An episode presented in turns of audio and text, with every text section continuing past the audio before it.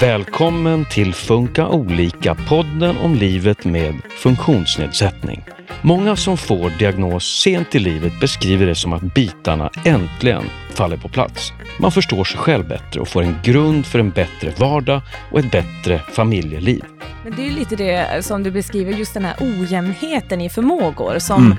som jag tror att man blir så förvirrad av själv. Att vissa gånger klarar man så här sjukt mycket Mm. och vissa andra gånger klarar man nästan ingenting. Liksom. Man kan vara och det, supereffektiv också. Ja, verkligen. Och det gör ju också att man säger, men varför, varför funkar inte det här? Och så mår Mm. man dåligt över det. När man får diagnosen och förstår att man har den här ojämnheten, då det känns mer okej. Då kan man vara mycket mer förlåtande mot sig själv. Vi träffar Jeanette Lilja och Mippe Åman som fick diagnoserna ADHD och ADD som vuxna i det här sista av tre avsnitt om att få diagnos i olika skeden av livet. Hej Jeanette Lilja. Hej! Du är 41 år och fick diagnosen ADHD när du var 39 år. Mm, det stämmer bra det. Och hej Mippe Åman. Hej, hej. Du är 30 år och fick diagnosen ADD för två, tre år sedan. Ja, precis. Jag kommer inte ihåg när det var, men där är krokarna. Eh, hej också Lena Westholm. Ja, hej. Eh, du är legitimerad eh, psykolog på ADHD-center och eh, ger stöd till bland annat vuxna eh, med ADHD och ADD. Mm. Både på ADHD-center och i ett annat projekt som heter IPSA. Just det, det ska du berätta lite mer om sen. Och jag heter Susanne Smedberg. Jag börjar med att fråga dig då, Lena. Hur vanligt är det att få diagnos som vuxen? Det blir vanligare och vanligare ju mer kunskap som finns ute i samhället. För nu kan man ju läsa på många olika sätt och man hör i media och så. Så att det är många som söker sig till vården och får diagnos. Eh, Hur kommer det sig att man får diagnos just i 30-40-årsåldern? Det kan ju vara så att man har kämpat mycket genom livet och haft det tufft men man har klarat det bra. Och sen kommer man till en gräns där det blir väldigt stressigt och kraven ökar och så känner man att nej men det, det är någonting som inte riktigt stämmer. Vad kan det vara? Och så kanske man läser någonting eller hör någonting så tänker man, ja man känner igen det där kanske. ADHD eller ADD. Är det något i liksom själva vuxenlivssituationen som eh, gör att man hamnar där? Ja, det är ju många som eh, har det tufft när de blir föräldrar. Man kanske har klarat det liksom bra fram till dess.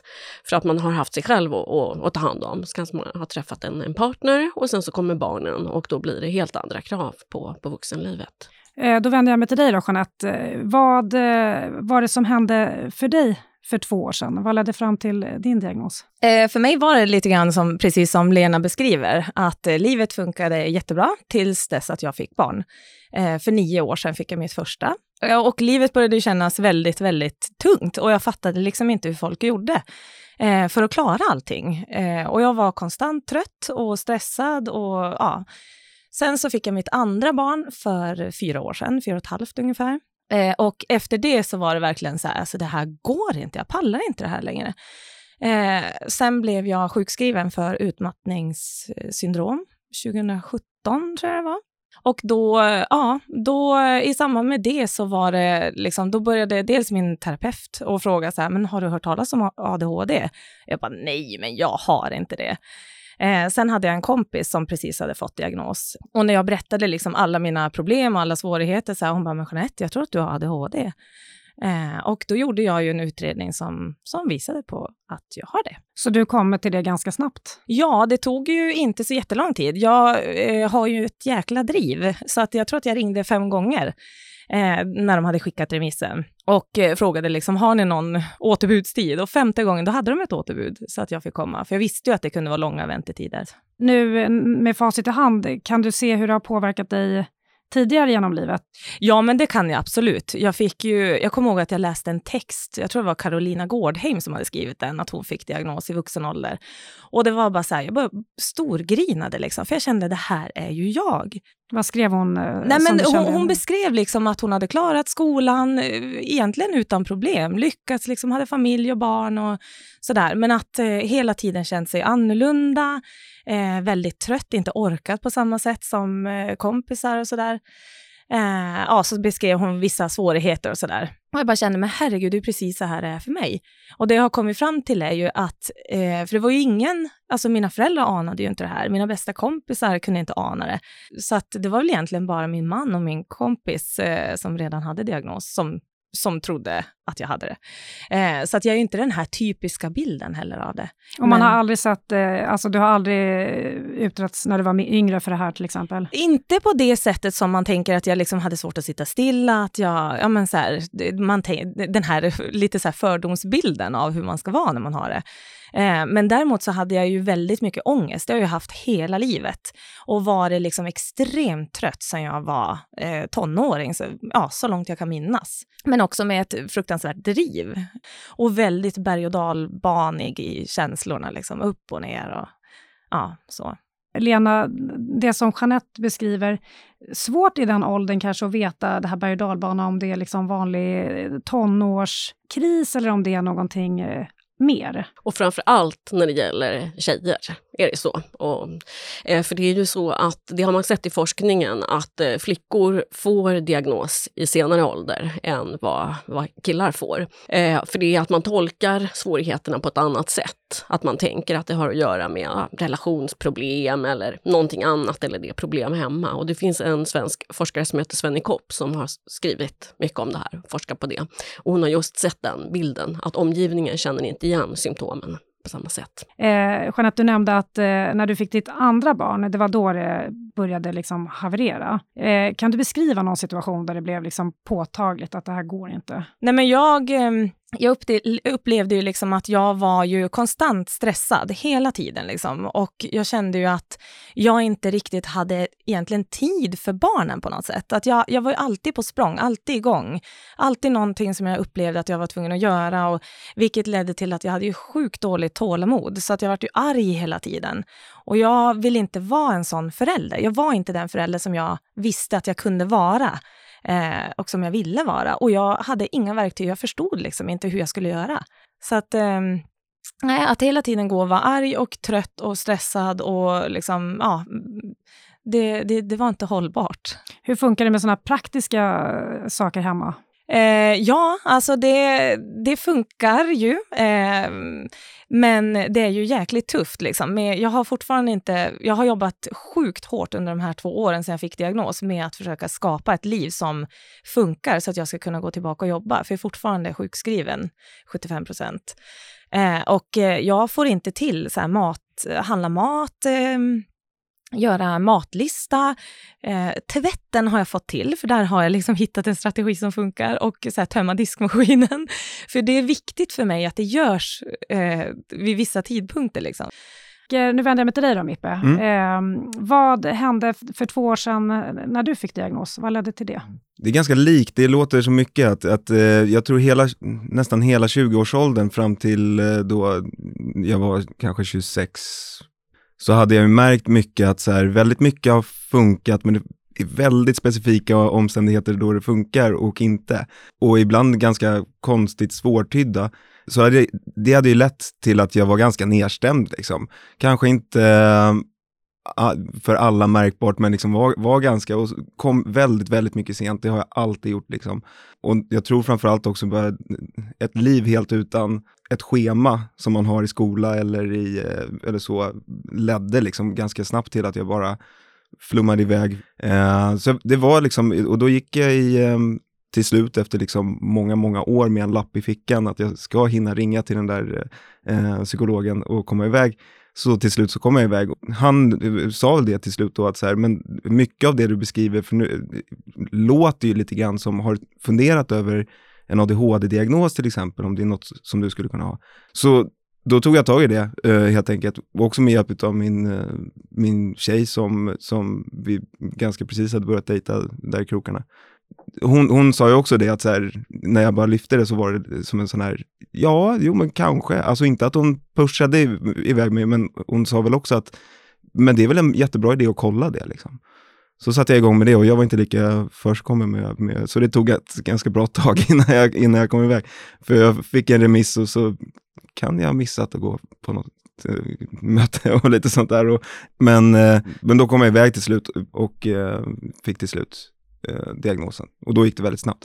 Men i ditt fall var det nedstämdhet som var ja, föranledde Precis, men alltså nedstämdheten var ju lite grann det där med, alltså det är kul när jag precis hade fått min diagnos, och först var jag jätteglad. Sen blev jag, dagen efter så frågade min tjej, vad, vad är det? Det verkar helt ledsen. Men då var det ju bara att, jag bara, men ja, det är alltid någonting. Det är alltid, alltid att jag inte klarar av det här eller det här eller det här. Eh, kommer aldrig, liksom, och, så, och nu är det här också med den här diagnosen och då säger hon att liksom, men det har ju alltid varit den grejen. Och, och då trillar det ner lite grann att, ja, men, ja det, är, det är ju faktiskt det. Att, ja, men all, all den här nedstämdheten är ju bara, det ligger ju till, till grund, liksom. Eller det, det, det är, ja, ADHD ligger ju till grund till det. Liksom. För det, just det där med att känna att man, som du beskrev också, att man kan känna att man um, man vet att man klarar det, man kan vara bättre. Eh, för många stunder är man det och många stunder kan, kan det, och jag tror att det är det som drog ut, alltså att det under skolan och sånt där aldrig riktigt, för när det väl kom till kritan så klarade det det. Det var inte en lätt väg dit liksom. Men, eh, men det gick på många sätt. Men det är lite det som du beskriver, just den här ojämnheten i förmågor som, mm.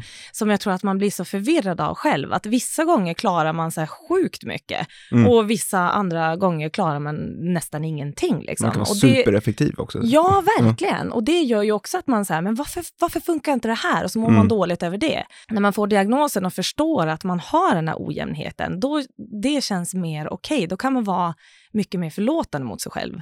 Eh, att så här, okej, okay, men idag har jag en dålig dag. Jag får ingenting gjort, men det är okej. Okay. För att jag vet att om en eller två dagar, då kommer jag göra hur mycket som helst. Eh, Lena, eh, det här som Mippe och Jeanette pratar om, eh, vad tänker du om det? Känner du igen det de beskriver hos andra du träffar? Jag känner väldigt väl igen det. Och sen är det ju inte bara förvirrande för den person som har diagnosen, utan även för omgivningen som ofta misstolkar det här och tänker att den här personen latar sig eller gör saker med flit eh, och kan bli ganska irriterade. Och det är lätt att det leder till konflikter också och att det blir stress.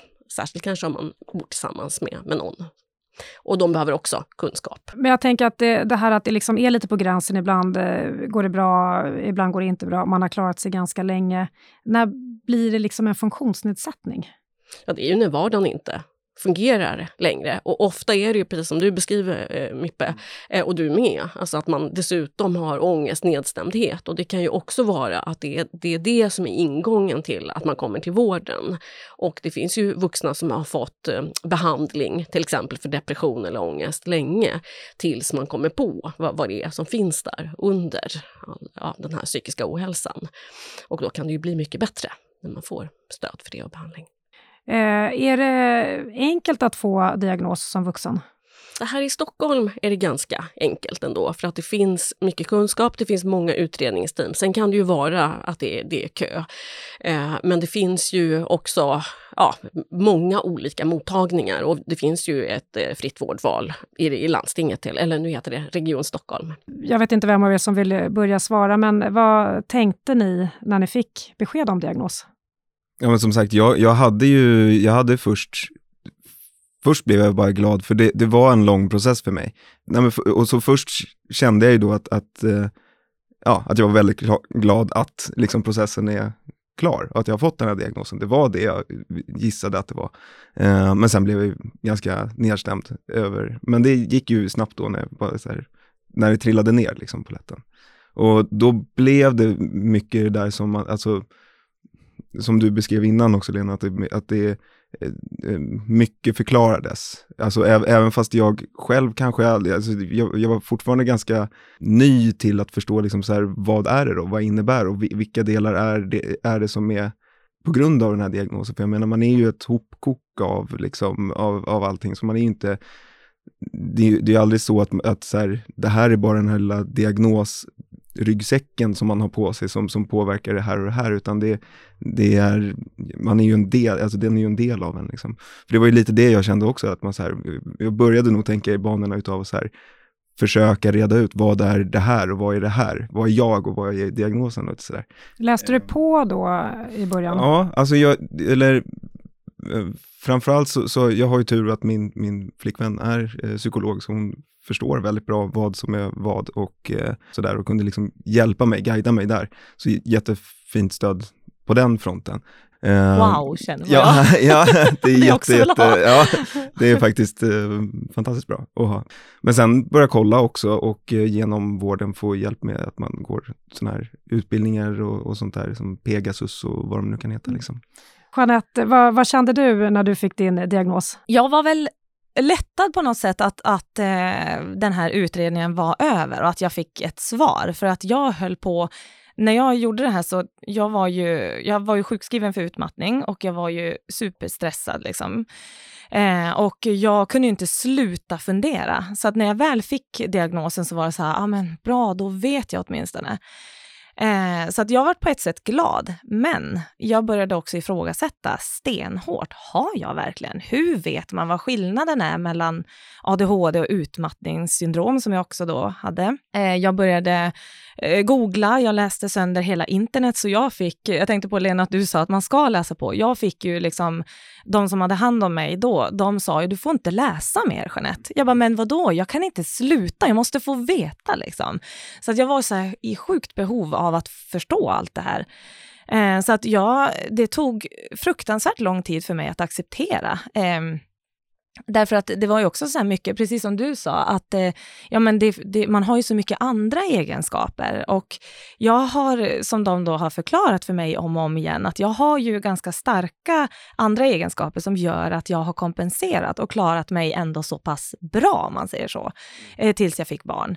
Och då följer liksom alla rutiner och allting. Och jag är jätteberoende av att ha mycket kontroll och struktur och med barn går ju inte det. Så att då, och då var det också så logiskt för mig. Jaha, okej, det är därför jag mår så dåligt just nu och det är därför ingenting fungerar och så. Hur reagerade din eh, närmsta omgivning, din sambo, på att du hade, när du fick den här diagnosen? Min sambo, vi har ju varit gifta i tio år eller vad det är. Eh, vi glömde bort att fira tioårsjubileet, men skitsamma. Eh, nej, men han var så här, men alltså jag, han var inte det minsta förvånad. Han bara, ja det är klart du har. Jag bara, va? Men va? va? Hur kan du? Och så ville jag ju så här, lära honom. Eftersom att jag lärde mig så sjukt mycket själv så ville jag ju för det var samtidigt spännande att förstå mig själv och bara, jaha, men gud, är det, är det därför jag inte får blommorna att växa liksom? För mm. att jag inte vattnar dem kontinuerligt? Och, ja, men är det därför jag har lite svårt att, med kompisar att höra av mig hela, hela tiden? Och, ja, men det vart så mycket så här, ja, och då ville jag dela med mig. Eh, men han ville inte riktigt lyssna. Alltså han tyckte att fan, du pratar inte om någonting annat än din diagnos. Så att för honom var det ju otroligt jobbigt. Jag bara malde på och jag förstår ju det, men samtidigt så hade jag ett jättestort behov av det. Hur var det för dig då Mippe? Din flickvän eh, mm. reagerade ju med att, ja men... Ja, hon var ju också, hon var ju också mer tror jag, eh, eh, jag tror det där första lilla nudgen att, att så här, ja, jo, men det är väl bra om du går iväg och kollar det liksom. Eh, så tror jag att hon ganska, eller vi hade ju pratat under tiden där också, att man så här, ja, alltså ju mer man tänker på det så är det ju väldigt rimligt att det är det och, och, och så. Föräldrarna då? Ja, men där, där var det nog också lite så att de, de var jätte, jätteglada och jättestöttande med att, med att liksom få no, lite svar. De har ju alltid liksom gissat att, eller förstått någonstans finns det, finns det någonting här liksom. Ja, men som med att jag liksom kan, de kunde ringa från jobbet, är du på, verkligen på väg till skolan nu? Är du, liksom, du har klivit upp. Jag blev så bra till slut på att kunna bara prata i sömnen, så min mamma var liksom, helt säker på att jag hade pratat med henne jättelänge eh, och, och det hade jag också. Men jag, jag kunde ju ringa tillbaka och bara, du skulle ju ringa och väcka mig. Jag, jag, vi pratade i tio minuter. Eh, men jag har inte, inget minne av det och då så har jag försovit mig till skolan och kommit liksom, så mycket av sådana där grejer och mycket med att så här, Eh, eh, sätt igång och plugga, sätt igång och skriv på det här arbetet. Typ, jag har oceaner med tid, det ska in imorgon. Eh, de grejerna och liksom eh, eh, väldigt mycket sånt, jag tror att det föll mycket på plats då också. Sen, eh, så jag, sen blev de ju intresserade av att liksom lära sig mer också. Och så så jag, jag känner igen det där med att man i början av det pratade väldigt mycket om det.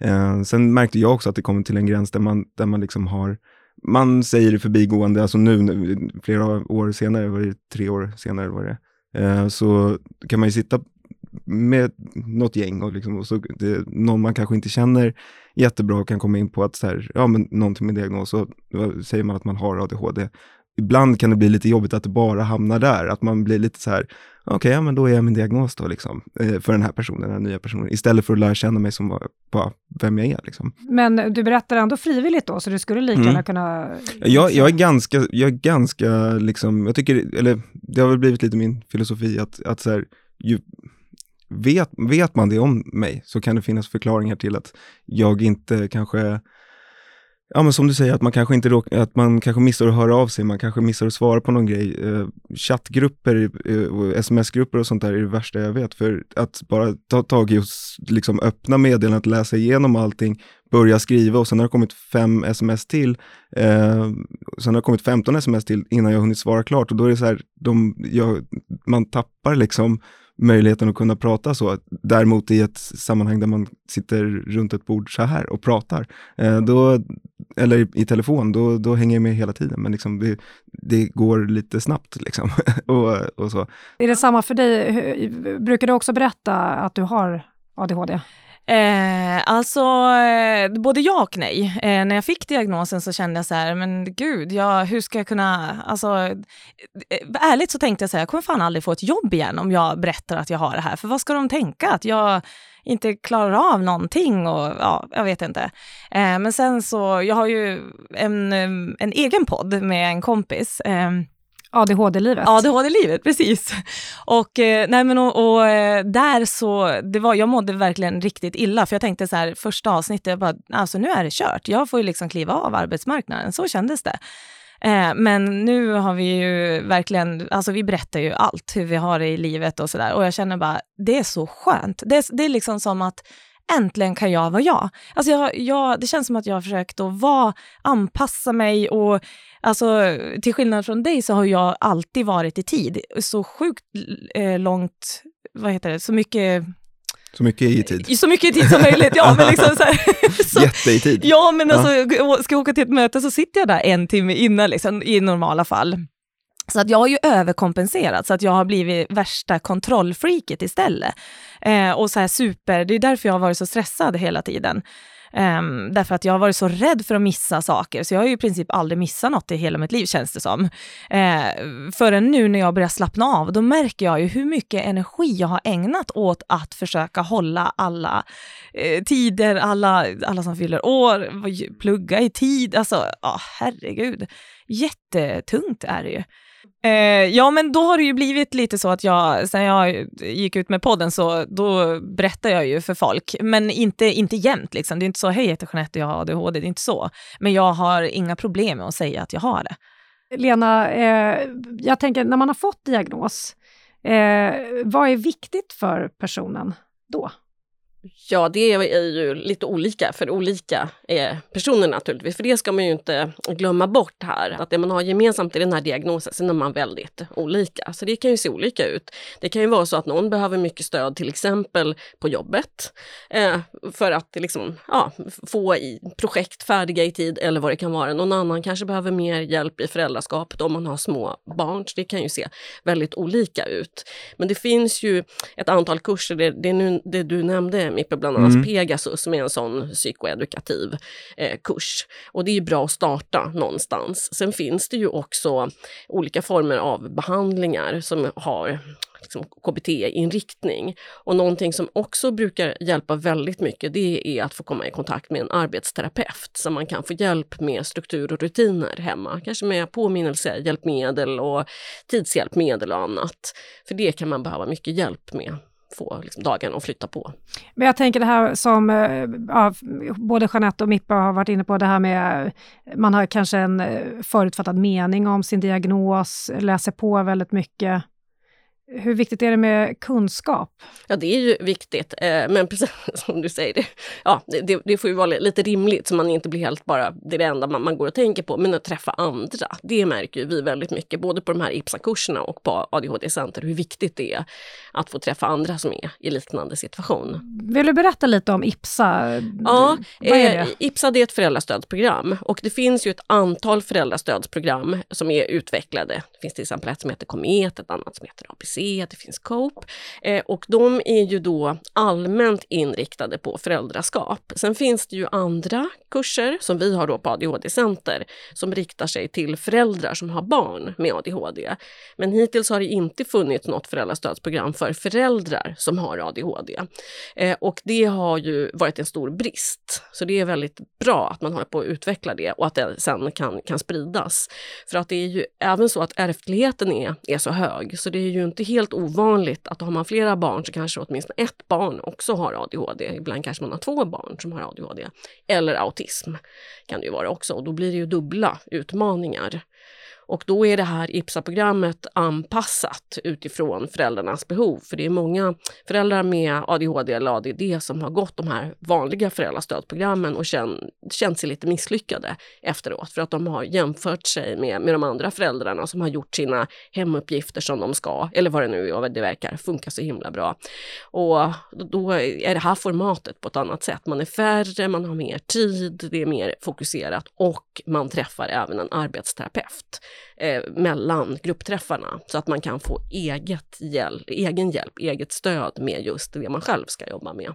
Och så väljer man en situation i vardagen som är tuff och så jobbar man med den genom hela eh, kursen. Eller man kan också byta eh, situation om man tycker att det är lite för... Vad kan det vara för situation? Det kan vara till exempel morgonrutiner, lite som du beskriver Mippe, mm. men då har man kanske, man ska iväg med tre barn, eller mm, två barn. Mm. Och då blir det, då är det det man behöver jobba kring. Vad ska jag ha för struktur, hur ska jag göra? Okej, jag kanske måste gå upp 40 minuter innan de andra gör mig färdig. Sådana saker. Det kan vara eftermiddagsrutinen, middagssituationen, kvällsrutiner eller komma i säng på, på kvällen också. Så det kan se olika ut. Och det viktiga är då att, man, att föräldern väljer en situation som den själv vill, vill jobba med. Jeanette, du har ju gått uh, det här programmet IPSA. Ja. Vad var det för situation du jobbade med? Eh, ja, det, jag vill bara säga att det var helt fantastiskt. Alltså jag fick så sjukt mycket hjälp av det här programmet. Så att, eh, ja, jag är eh, Lena och Sofia enormt tacksam. Eh, men jag valde min eh, fyraåriga dotter, eh, jag valde eh, morgonen att få på henne kläder. Eh, och jag kommer ihåg när vi skulle välja den här situationen så kände jag så här, men herregud, alltså jag har så stora problem eh, med mina barn, med båda mina barn. Hur ska jag kunna välja ett barn och en situation? Jag bara, jag har ju så stora problem och det är ju en av utmaningarna, att man, man vet inte vart man ska börja. Eh, men det var, alltså det var enorma framsteg på otroligt kort tid som jag gjorde med min dotter. Så jag var så här, alltså det är inte sant. Är det möjligt? Alltså jag, för jag hade ju liksom försökt jättelänge själv, i alla år, liksom, att få till eh, det här själv och inte lyckats. Eh, och sen så ja, men med hjälp av IPSA så liksom fick, jag, fick jag hjälp att fokusera då på en liten sak och se att det kunde få sådana enorma effekter. Och vad var det för någon eh, sak som du fokuserade på? Ja, men det var ju att jag skulle då eh, få min dotter att ta på sig kläderna på morgonen. Eh, och vad gjorde du annorlunda? Eh, ja, eh, ja, dels så började kvällen innan med att förbereda, eh, så att hon fick välja kläderna själv. Eh, jag fick också ett så här bildstödsmaterial, så att jag kunde hjälpa min dotter att hålla fokus och att jag själv höll fokus. Så då hade vi liksom det här bildstödet att ja, men nu ska vi ta fram ett par strumpor, ett par eh, trosor, ett par byxor och en tröja. Och sen så hade vi också, eh, med hjälp av arbetsterapeuten, så fick jag också tänka igenom alla situationer som brukade uppstå på morgonen i samband med klädsituationen. Och så göra upp en plan. Så vad gör jag om hon vill byta ut byxorna och tröjan och så här. Eh, och jag fick också hjälp att ehm, för jag hade ju jättesvårt med tålamodet att stå och vänta på min dotter. Hon eh, utmanar ju mig jättemycket varje dag i det. Eh, och då fick jag också hjälp att, så här, men, att hitta sätt att lugna mig själv så här, med kroppen. Att sitta ner, gärna lite tillbakalutad. Eh, så då fick jag använda den tekniken då i, eh, i situationen när jag satt och väntade på att min dotter skulle välja kläder. Och det var också så här, alltså hela stämningen mellan mig och min dotter blev så mycket lugnare.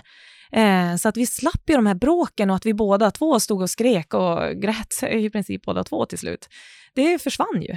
Började du, har du börjat med andra moment Ja, eh, det, det hann jag med, för vi träffade ju arbetsterapeut eh, varannan vecka själv och sen så hade vi ju i grupp. Eh, men det var ju hela tiden den här situationen, men då kunde man utöka den då till, ja, men till måltiderna, till ja, men när hon skulle ta på sig ytterkläderna eller borsta håret, borsta tänderna och så här. Så att eh, idag så har vi ju enormt mycket lugnare hemma. Eh, och då när jag kände att jag hade så ganska bra koll på henne så kunde jag ju använda samma metoder till min äldre son på lite annat sätt då, men ändå det här tänket.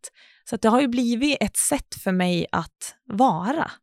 Um, så till slut behövde vi inte det här bildstödet längre till exempel, för det, vart, det blev liksom en rutin som vi bara följer.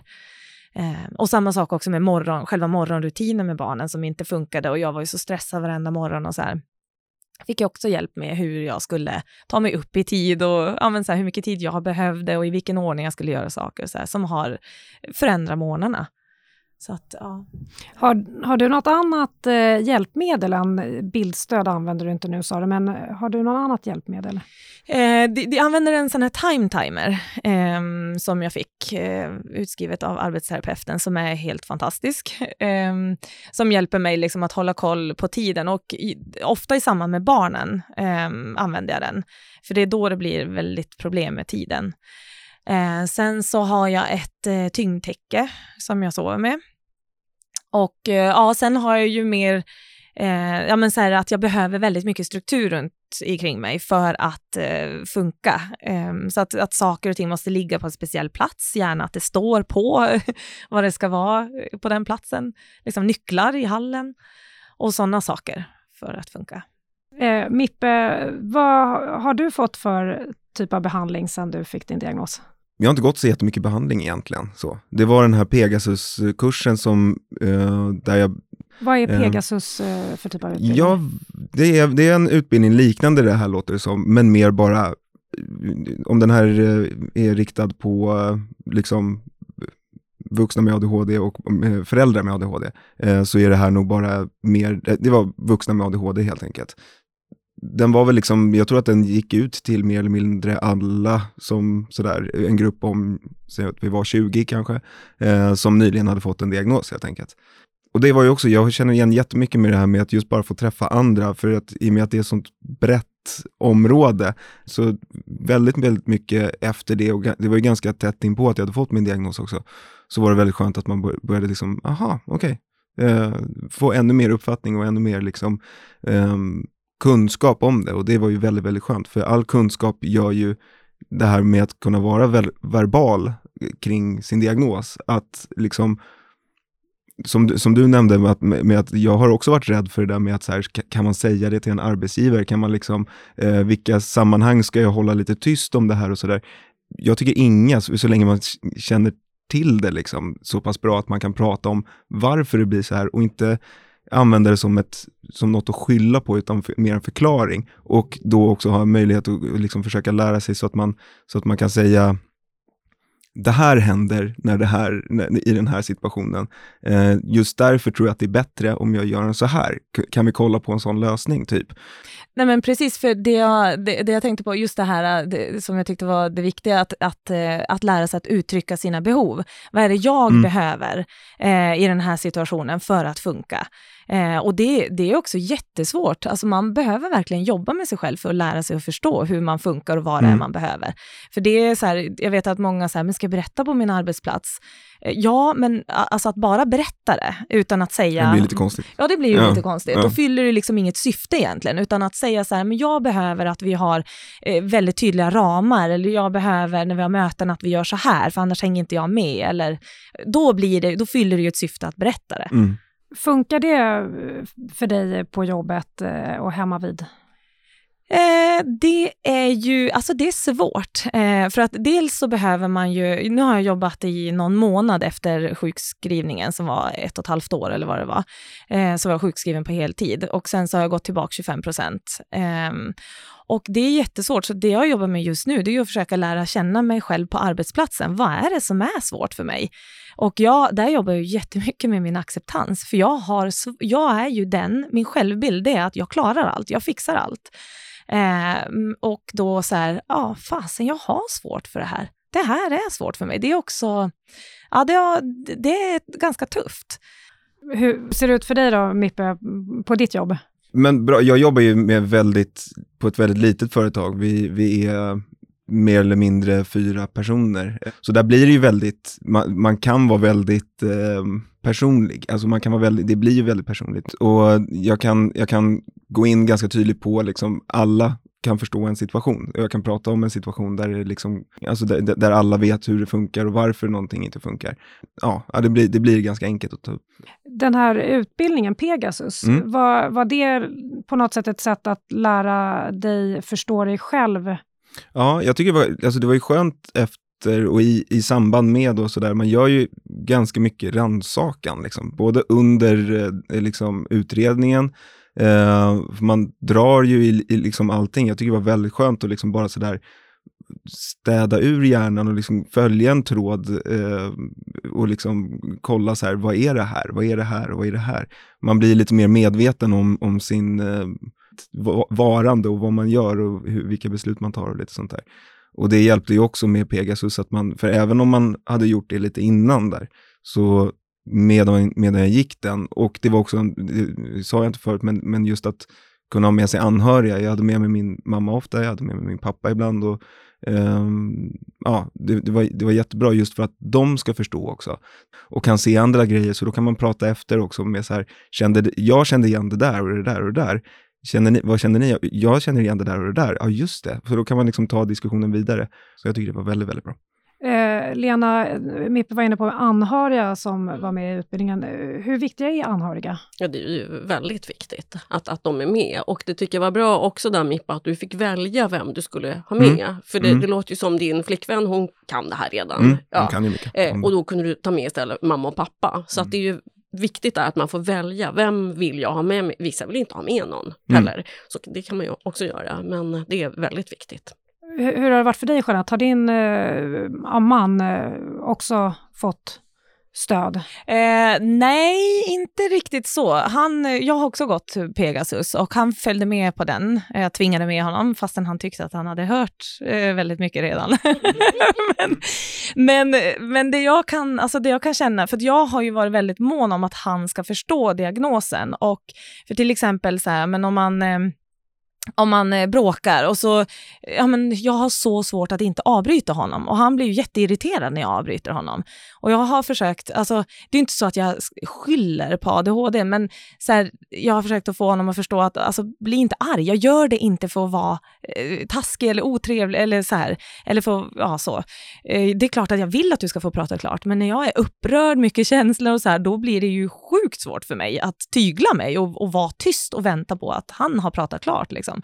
Så att, eh, ja, och i andra situationer också när jag, ja, där jag har då identifierat, att det här beror ju på min diagnos. Jag, jag, så, och jag jobbar ju sjukt hårt med att försöka förbättra allting. Vad kan jag göra själv? Liksom? Och det är ju inte alltid lätt. Eh, det är det ju inte. Eh, men jag tycker ändå, vi har också fått en mycket bättre relation sedan jag fick diagnosen.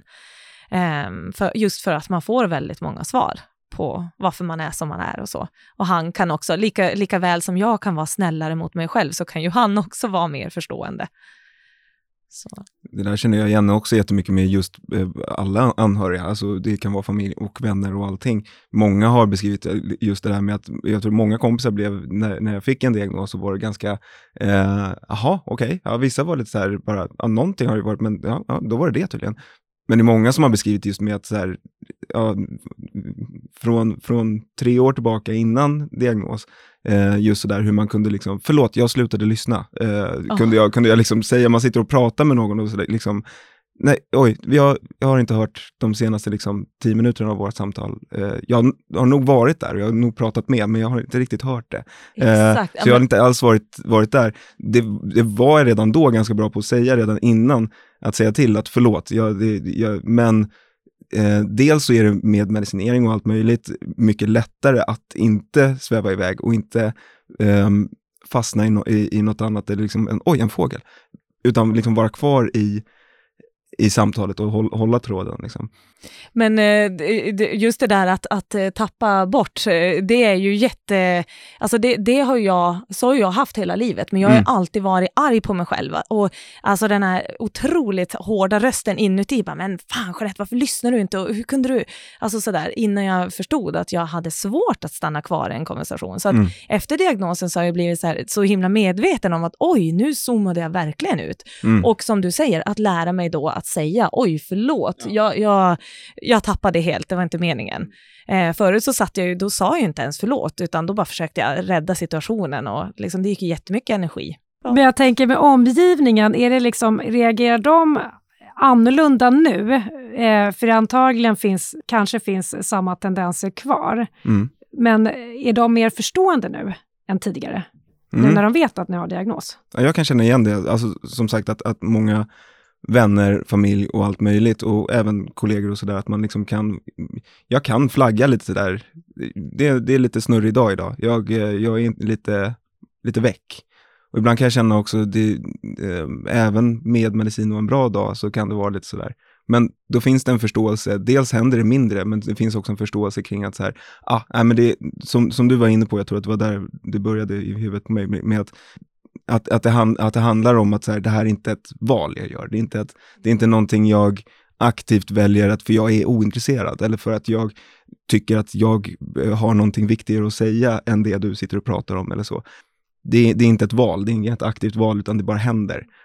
Lena, eh, vi har pratat lite om olika behandlingsprogram, eh, eh, medicinering har kommit upp. Är det någonting man kan göra själv? Ja, det man har forskat mycket på också här på senare år, det är vikten av fysisk aktivitet också. Att röra på sig, som kan ha god effekt också på eh, koncentrationssvårigheterna.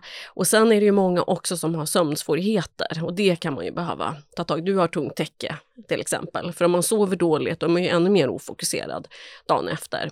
Något, något jag kommer på med, med apropå just, förlåt, mm. eh, men, men, just med, med jag tror va, lite varför det kom senare i livet för mig också var för att jag var gymnast i liksom 14 år, eh, tränade massa gånger i veckan fram till jag var 17. Då slutade jag eh, och där, där i krokarna så började jag i kombination med väldigt många andra grejer, bara att det blev ännu värre. Liksom. Så jag tror att där att röra på sig tre gånger i veckan var nog räddning, att jag klarade skolan ändå. Liksom.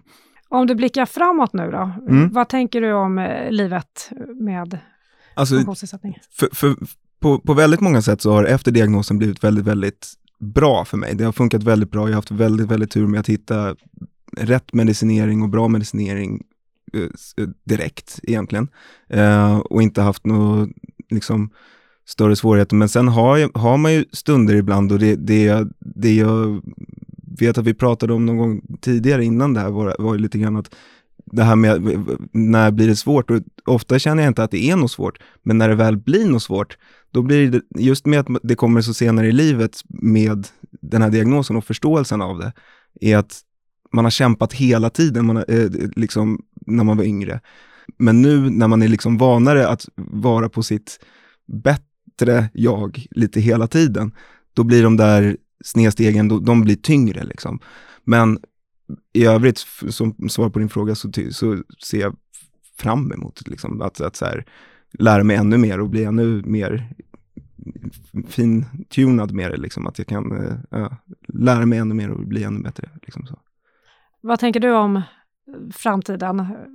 Nej, men jag ser ju väldigt, väldigt positivt på framtiden för att jag känner, jag känner lite grann att fan, jag får äntligen vara jag. Alltså jag får vara den jag är eh, både inför mig själv och inför andra. Så att jag upplever det som en enorm lättnad. Plus att jag tycker att det är ju otroligt spännande med psykologi och hur hjärnan funkar och allt sånt här. Så att jag tycker ju att samtidigt som det har varit världens tuffaste resa så har den ju gett mig så otroligt mycket.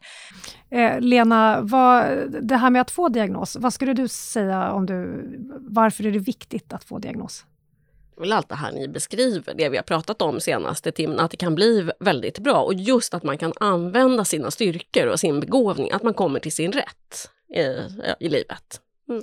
Om man känner att man eh, ja, tror sig eh, ha en diagnos men inte fått den, var vänder man sig någonstans? Antingen kan man vända sig till sin husläkare som kan skicka en remiss. Eller så kan man vända sig direkt till en öppenvårdspsykiatrisk mottagning. Och det finns li lite olika sådana mottagningar. Man kan kolla på 1177, Vårdguiden. Det är nästan det lättaste. Okej, eh, jag tänkte eh, tipsa om en annan sak. Eh, Habilitering och hälsa har ju eh, gjort en webbplats som heter ASD Förälder. Jag vet inte om du känner till den, Jeanette? Jag har sett den, ja, och jag har fått jättebra tips därifrån ja. faktiskt. Ja. Den vänder sig just till föräldrar som har diagnos inom autismspektrat. Och så säger jag tack då till dig Jeanette Lilja och eh, Mippe Åman. Tackar, tackar. Tack också till dig Lena Westholm, legitimerad psykolog på ADHD-center. Tack. Och tack till dig som har lyssnat. Du har lyssnat på Funka olika, en podd från Habilitering och hälsa som är en del av Region Stockholm. Det här var sista avsnittet på temat att få diagnos, men vi är snart tillbaka med nya avsnitt. Och de kommer att handla om förvärvad hjärnskada. Vi hörs då!